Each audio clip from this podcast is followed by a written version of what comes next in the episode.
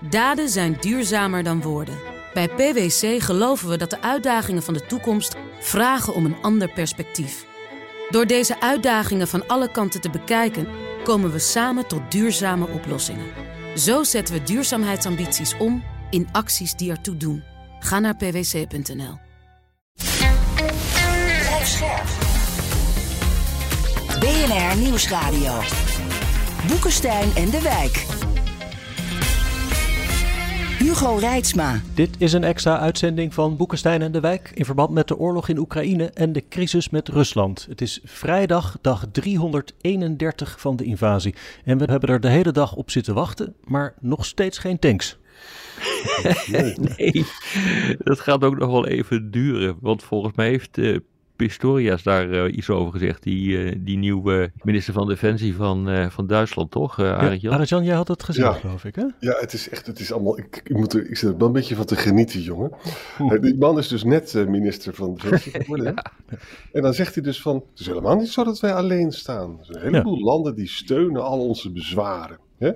En we weten helemaal niet of er een beslissing gaat vallen. Wij gaan eerst gewoon eventjes het bestand Leopards in Europa allemaal in kaart brengen. En dan gaan we naar de type kijken en naar de compatibiliteit en naar de beschikbaarheid. En ook gewoon aan de hoeveelheden die we hebben. En dat duurt dagen of misschien ook wel weken. Ja. Vervolgens heeft hij gezegd, er is geen enkele link met de Abraham tanks. Nou, dan wil ik, dan wil ik aan jullie vragen, jongens. We hebben toch alle tijd van de wereld gehad om die Leopards even te besnuffelen de afgelopen twee maanden.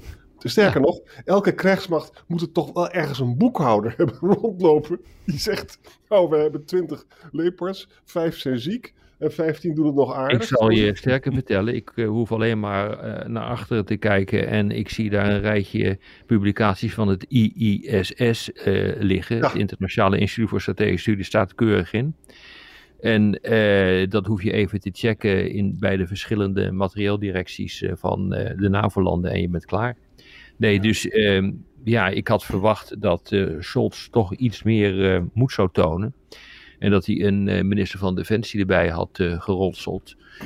Ehm, en nadat Lambrecht was opgetreden, opgetreden, afgetreden, die die eigenlijk al in de houding had gezet van oké, okay, hm. jij gaat dit doen. Dat is dus gewoon niet gebeurd. Dus er is echt wat aan de hand ook in Duitsland. Maar als ik ook naar die opiniepeilingen kijk in Duitsland, dan vindt een belangrijk deel van de Duitse bevolking, uh, bijna de helft, dat er eigenlijk meer dan voldoende is uh, gedaan. Dat dus een ruwweg een kwart vindt dat er meer moet worden gedaan en een, een, een, kwart vindt dat er minder moet worden gedaan. Maar kijk, dit is echt leiderschap. Sorry. Um, als je dus met dit soort peilingen zit, dan moet je dus ook kunnen uitleggen waarom dit van belang is, bijvoorbeeld van je, voor je eigen veiligheid om dit te doen. Nou, die discussie loopt niet in Duitsland. Nee. We hebben net de afsluitende persconferentie zitten kijken in Ramstein van de Oekraïne Contactgroep. En daar eh, speelde Lloyd Austin, de Amerikaanse minister van Defensie, het zelfs voor elkaar om in zijn statement helemaal niets te zeggen over tanks. Niets over de, uh, de Duitse Leopards en niets over Amerikaanse Abrams tanks, waar ook veel discussie over is. Je krijgt wel een beetje de indruk dat het een moeilijk gesprek is geweest. Ja, want hij wilde dus absoluut ook niet de Duitsers voor de voeten lopen. Hij was heel beleefd naar de Duitsers. Duitsers lijken een beetje misbruik te maken van het feit dat ze behoorlijk veel militair geleverd hebben. Dat argument gebruiken ze ook steeds. Hè. Maar laten we nou eens, wat is er nou echt aan de hand? Ja, inderdaad. Dat is dus ook nou, iedere keer de vraag die ik heb. Ja. Want kijk, die, dat verhaal van die nou, Abraham nou, tanks... geef maar aan, ja. Uh, Wat is er echt aan de hand? Nou, we, we, we, moeten, dus gaan, moeten gaan afpellen. Die Abraham tanks die hebben dus uh, hele dure reserveonderdelen. Die zijn niet in Europa. Ze hebben ongelooflijk veel brandstof nodig. Het is gewoon veel handiger om Leopard tanks in te zetten. Want die zijn, er zijn er 2000 van in Europa. En ook allemaal reserveonderdelen. En ze, en ze, ze draaien op diesel. Hè? Nou, dan wordt er gezegd, ja, Duitsland wil het alleen maar doen als andere landen meedoen. En, en dan gaan ze, hebben ze zelfs geëist van, dan moeten dus Amerika moet ook die Abraham tanks doen. Nou, er zijn genoeg andere landen die Leopard tanks willen leveren, namelijk van Polen weten we het zeker, hè? Uh, en van uh, Finland, geloof ik ook. Ja, zeker. En, uh, dus Spanje dat... twijfelt, hè? Spanje ja. twijfelt. Dat is denk Spanje ik wel even goed om dat te zeggen. Ja. Dus ik denk dus dat de, wat hier aan de hand is, is dat het toch een electoraal dingetje ook is. Hè? In, in die SP, en in die SPD zit in de oude garde, zit er dus echt nog heel veel, zeg maar, Poetin-versterers. Een beetje kort door de bocht, maar dan komt het wel op neer. Ik heb geluisterd naar Nederlandse PvdA-kamerleden, Kati Piri En die jongen die in het Europees Parlement uh, zit, kan, oh ja, Reuter heet hij, hè?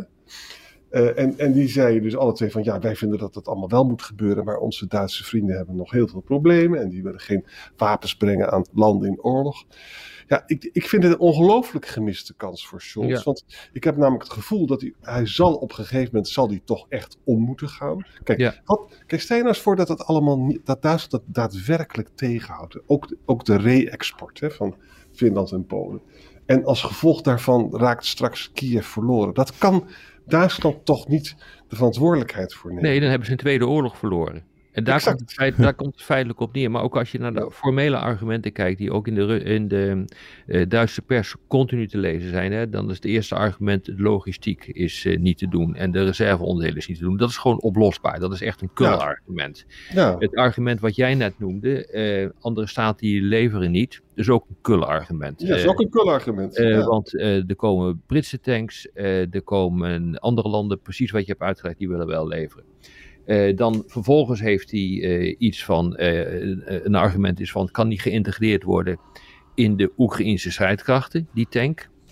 Dat is altijd een probleem, maar dat geldt voor ongeveer alle wapensystemen die Ja. worden geleverd door het Westen. Dan gaat het om de technologie die erin zit. Ja, dat moet niet in de verkeerde handen komen. Het zal wel, maar dat geldt feitelijk voor bijna alle wapensystemen. Op een aantal wapensystemen na. Bijvoorbeeld de Grey Eagle drones, die willen de Amerikanen om die reden niet inzetten, kan ik me wel voorstellen. Dus de, de, de argumenten, eh, ja, die komen er denk ik toch eh, op neer eh, dat, dat het feitelijk gaat over de strategische en politieke cultuur erin, die er in Duitsland is. En dat je Hm. A, bang bent voor escalatie. Nou, Hm. dat, is een, dat is een reëel probleem. Eh, en, en B, bent, eh, B, bang bent voor de reactie van je eigen bevolking, omdat je betrokken raakt bij een oorlog. Ja. En dat kan ik me ook politiek gezien voorstellen. maar maar- een HIMARS, een HIMARS is verwoestender dan een tank. ja, Dus dat vind ik eigenlijk ook een kul argument. Weet je, jongens, er staat een ontzettend goed stuk van Timothy Gart en Ash in Guardian. Het zijn altijd Britten die dat soort dingen dan zeggen. En, Mhm. en ik zal het heel kort uh, uiteenzetten. Hij vindt dat Duitsland een historische verantwoordelijkheid heeft in Oekraïne. Kijk, de Duitsers zelf zeggen van ja, we hebben zoveel slechts gedaan en we moeten nooit meer eh, Duitse tanks inzetten tegen de Russen. Hè? Maar, wat zegt eh, Timothy Gart en Ash, Oekraïne was het grootste slachtoffer in de Tweede Wereldoorlog van zowel Hitler als Stalin. Dus Ja, de ja. Duitse tanks moeten ingezet worden om Oekraïners te beschermen. Dat is het eerste Ja. argument. Hm. Tweede, het Duitse appeasement na 2014, dus heel recent, was dus een enorme gasafhankelijkheid en Nord Stream 2. Hm. Daarmee hebben ze 19 miljard van het totale Russische militaire budget van 30 miljard gefinancierd. Hè? En verder, eh, als laatste argument, als Rusland niet tegenwicht krijgt en wint in Oekraïne, wat dat ook betekenen mag, dan wordt Taiwan, misschien gaat het ook wel vallen, en dat is geen eh, Duits belang dat Taiwan valt. Mhm, mhm. Dus met andere woorden, eh, de, de Duitsers zijn altijd heel be- bezig met historische argumenten, maar die kan je dus ook op een hele andere manier interpreteren. Hè? ja zeker. Hm. zeker. En- Maar er is wel veel gebeurd de afgelopen dagen. Dat Kijk, is waar. Kijk, wat, er- wat er nu gebeurd is, eh, is eigenlijk eh, vrij simpel. We komen in een nieuwe fase terecht. Niet alleen van de oorlog, die is nog niet aangebroken, want dat is dat grote offensief waar we het al zo vaak over hebben gehad. Hm. Maar je komt in een nieuwe fase terecht van de wapenleveranties. Fase 1, levering van antitankwapens en antivliegtuigwapens. Hm. Fase 2, artillerie, inclusief MNRS'en, hè, die meervoudige raketwerpers. Fase 3, panzervoertuigen, gevechtsvoertuigen. Dat komt nu. Fase, Ja. ja, daar, die, daar zitten we nu in. Ja. En nu wordt er, in, eh, nu wordt er eh, gesproken, of is er net eh, gesproken in Ramstein, over fase 4. Tanks, dus zwaar materieel, ehm, eh, eh, munitie voor de HIMARS, die met een groter bereik, ehm, grotere gevechtsvoertuigen. dus het wordt, het- je krijgt een kwalitatieve slag, krijg je extra en het wordt zwaarder. En boven die Mhm. kwalitatieve slag, ik heb het deze week nog gevraagd aan eh, deskundigen in het buitenland, van wat zit er boven die nieuwe slag die we nu maken? Ja, niks. Daar zitten F-16's boven, waarvan ik vind dat ja, toch D66 gaat hier wel echt gewoon vrij snel door de bocht. ik hoorde Jude Sjoerdsma zeggen van we moeten gewoon F-16's gaan leveren.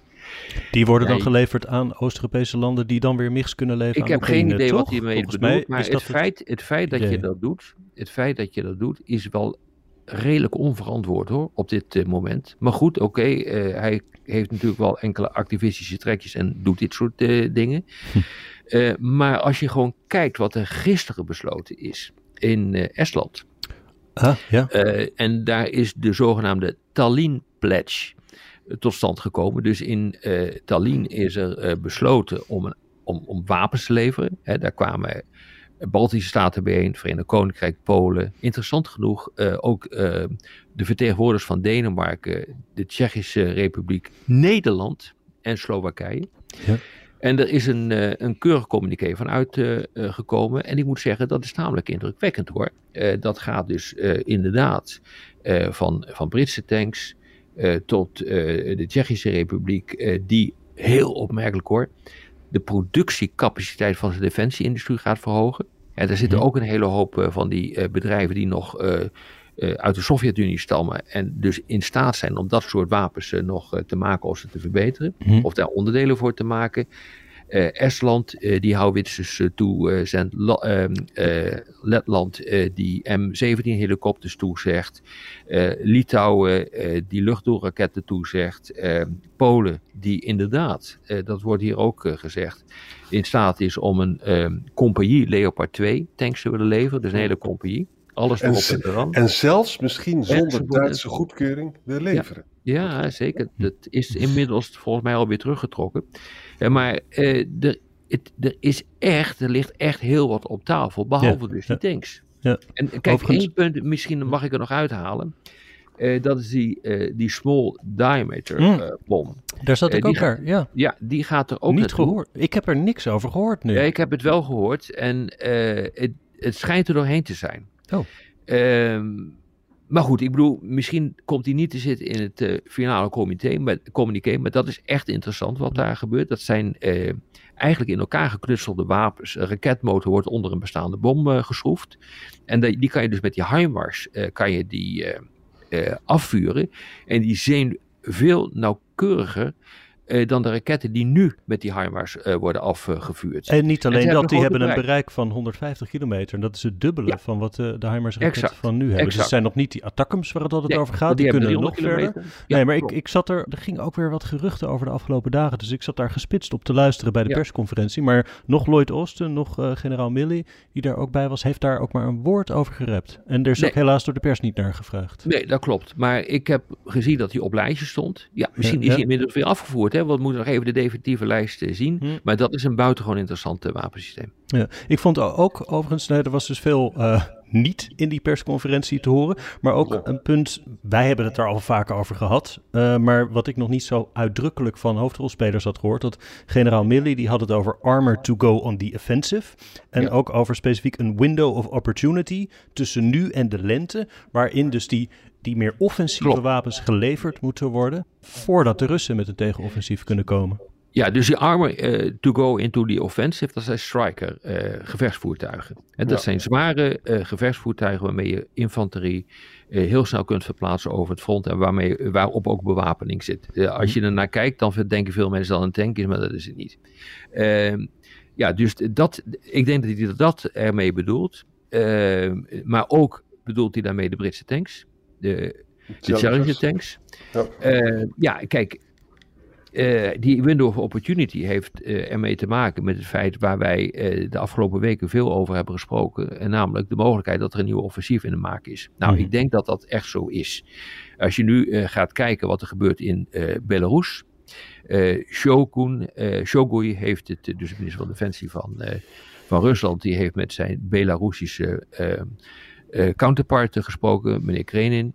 Uh, en uh, ja, die hebben gesproken over bilaterale militaire samenwerking en gezamenlijke maatregelen voor de afschrikking. Hm. Um, en ook wat er met een gezamenlijke regionale troepenmacht moet gebeuren. Nou, daar is, is allemaal vrij veel vaagheid over, maar men praat er toch maar over. Um, uh, Lavrov, die heeft uh, met de minister van Buitenlandse Zaken Aleinik van, hoe noem je hem, Belarus gesproken. En die heeft gesproken over een gedeelde visie op de oorlog. En nou, dat gaat dus zo wel even door. wat er nu wordt gedacht, maar ik, ik, volgens mij weten de Russen het zelf ook nog niet hoor, is dat er een een, een, een opmaat wordt uh, bedacht nu voor uh, de inzet van nog overgebleven, nog niet ingezette troepen van de vorige mobilisatie. Dat zijn er vermoedelijk 150.000. Hmm. Dan komt er mogelijkwijs een nieuwe mobilisatie. Nou, god weet hoeveel er dan bij worden gemobiliseerd. 500.000 wordt genoemd, maar dat lijkt mij een beetje aan de hoge kant. Dan zie je dat aan het eind van de zomer in september worden grote oefeningen uh, gehouden. Bijvoorbeeld Zapad, Zapad 23, echt een hm. gigantische oefening. Is jaarlijkse oefening. Hè? Ja. ja. exact. En uh, het zou kunnen zijn dat uh, er dan combinaties worden gemaakt. Maar dat er wat gaat gebeuren, dat lijkt mij absoluut zeker. En het is nu een race tegen de klok. Exact. van wie kan zoveel mogelijk materiaal leveren. om ervoor te zorgen dat de Oekraïners zo'n kwalitatief overwicht krijgen in verband met het te verwachten kwantitatieve overwicht van de Russen. Dat is gewoon eigenlijk wat er op dit ogenblik aan de hand is. En, weet je, het is een beetje een noodlot is dit. Hè? Bij, aan de, in de Eerste Wereldoorlog is ook ontstaan, omdat elke, alle partijen beseften, nu kunnen we misschien de tegenstander verslaan, maar straks niet meer. Hè? Hm. Ja. Poetin, hm. Poetin moet eigenlijk aanvallen voordat die tanks arriveren. Hm. Zo dat is een logica. Ja, maar dat kan hij niet. En dat kan hij dus niet. Nee. Maar, maar het kan dus best zijn dat hij toch vroeger dan, dan, dan, dan juni iets probeert te doen. Vanwege dus deze noodlottige redenering. Exact. Maar realiseer je, en dat is denk ik echt verschrikkelijk belangrijk. Uh, Burns, de CIA-directeur, die is in het geniep naar uh, Kiev ja. Eh, af, uh, afgereisd. Ja. heeft gesproken over, een, over het, het, delen van inlichtingen. zodat ook de Amerikanen beter in staat zijn om de goede inlichtingen te kunnen leveren als er om wordt uh, gevraagd. Ze zijn ook nu kennelijk bijgepraat over de operationele plannen uh, van Kiev. Dus dat ja. is cruciaal. Uh, en dat is eigenlijk, heeft een omslag uh, plaatsgevonden. afgelopen september, toen Oekraïne ook die gegevens nodig had om ehm, ja, zijn successen te kunnen boeken. En realiseer dat uh, tot die tijd uh, Kiev weinig opening heeft gegeven van zaken, van zijn operatieplannen, ook aan de Amerikanen. En wat het meest interessante is, is dat er nu berichten komen dat de Amerikanen wat losser worden met het leveren van informatie. Bijvoorbeeld ook over doelen die op de Krim kunnen worden uh, getroffen. Dat heeft ertoe geleid, in combinatie met wat er nu gebeurt uh, in, uh, ja, in de besprekingen over de zending van meer wapens, dus Ramstein, is dat Peskop heeft gezegd. Ja, er gaat, we sturen nu aan op een nieuwe fase in het conflict. Er komt, de, het conflict komt door deze wapenleveranties in, op een nieuw kwalitatief niveau, daar heeft hij trouwens gelijk in, dat is een gevaarlijke ontwikkeling, uh, want uh, dat vereist tegenmaatregelen van Rusland. Daar moet je niet te lachen over doen. He, deze hele combinatie die ik nu heb, eh, heb genoemd, ja, dat houdt, ik durf het woord bijna niet meer te zeggen, maar gewoon alleen in Nederland begint dat een taboe woord te worden, maar in de rest van de wereld niet. Escalatie ja. is dan een steeds groter risico. Zou de Krim in het vizier kunnen komen bij zo'n tegenoffensief van zeker, Oekraïne? Die kunnen ze, zeker, die kunnen ze dus nu al uh, uh, raken. Dit is precies de reden waarom uh, de Amerikanen hebben gezegd, die ATACers die krijg je niet. Hmm. want als we die gaan sturen, dan kun je de hele Krim aan het puin schieten. de Russen vinden dat het Russisch grondgebied is en dat leidt tot een onbeheersbare escalatie. En daarom willen die Amerikanen dat niet doen. Ja. Ik heb zelf het gevoel, maar ja, wie ben ik hè? Dat, de, dat de tanks in de Donbass nog niet een escalatie betekenen. Maar inderdaad, als de Krim dus valt, dat is zo'n blamage voor Poetin. Als die wordt aangevallen. Als die wordt aangevallen. En er wordt nu ook inderdaad uh, gekeken uh, hoe ze uh, de Oekraïners kunnen ondersteunen in een mogelijke aanval op, op de Krim. Althans, dat, dat lees ik tussen de regels door en dat is ook wat ik van, via de tam-tam hoor. Maar dat is echt een verandering in de strijd. Want uh, herinneren jullie nog dat we een hele tijd geleden een discussie hebben gehad over stukken die door de Oekraïense hoogste militair waren geschreven. Waarin die heeft gezegd: de Krim is het center Ja. of gravity. Ja. Kan je dat nog herinneren? Dat weet ik nog Ja. heel goed. Eh, center of gravity betekent dus dat is een een punt dat je moet aanpakken, dat moet je vernietigen, waardoor je een enorme omslag in de strijd eh, kunt gaan eh, krijgen.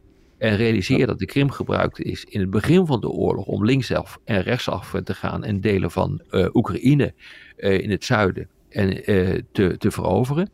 Uh, het is een belangrijke militaire basis. Als je dus die gaat, basis, als je die gaat bestoken, als je die gaat, kapot gaat maken, ja, dan kun je echt tegen uh, reacties verwachten. En ook daar wordt dan weer van belang of die ground-launched small diameter bom komt. Want ik zag laatst ook ergens iemand op Twitter die had een mooi kaartje gemaakt. Daarmee kan je het hele oosten van Oekraïne, bezette deel, kan je bestrijken. En niet de hele Krim, maar zeg maar het noordelijke deel. De helft exact. van de Krim zou je daarmee ja. kunnen raken. En daar, daar zitten dus een hoop Russische militaire bases die je zou exact. kunnen en heel veel versterkingen.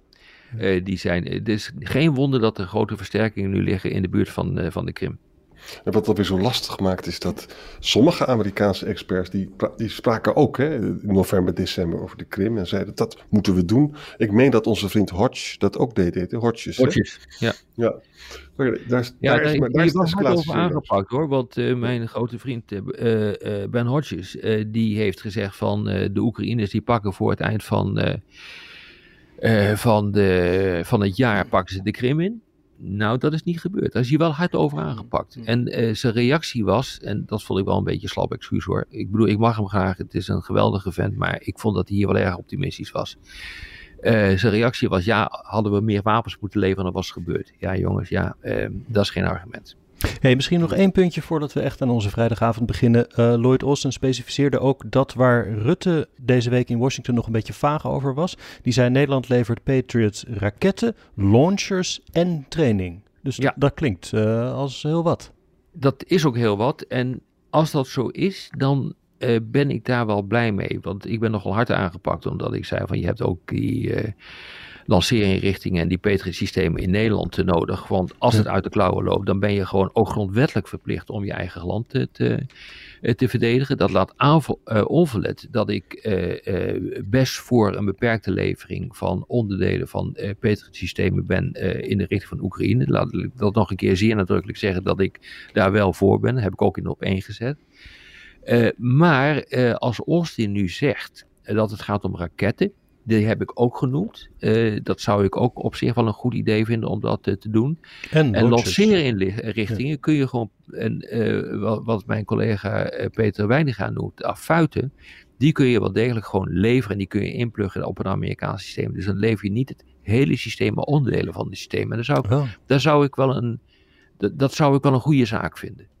Dat heeft te maken dat Rotterdam uh, zijn haven moet beschermd worden. Hè? Onder andere, maar kijk, ik heb toen Rotterdam en Vlissingen uh, genoemd. Dan schieten mensen natuurlijk helemaal in de stress. stress. Dat, be, dat begrijp ik ook wel. Maar je kunt ook het regeringscentrum Den Haag uh, pakken. Je kunt ook zeggen van ik heb het nodig om bijvoorbeeld belangrijke militaire doelwitten, nou ik neem maar wat, een luchtmachtbasis, te beschermen. En dus je, het zijn voorbeelden, maar er zijn denk ik nog wel tien of vijftien andere voorbeelden in Nederland die daaronder zouden kunnen vallen. Ja. Oké, okay, moeten we nog iets over dat uh, plafond, de ceiling zeggen in, in Amerika? Een paar nee, zinnen? nee. Huh?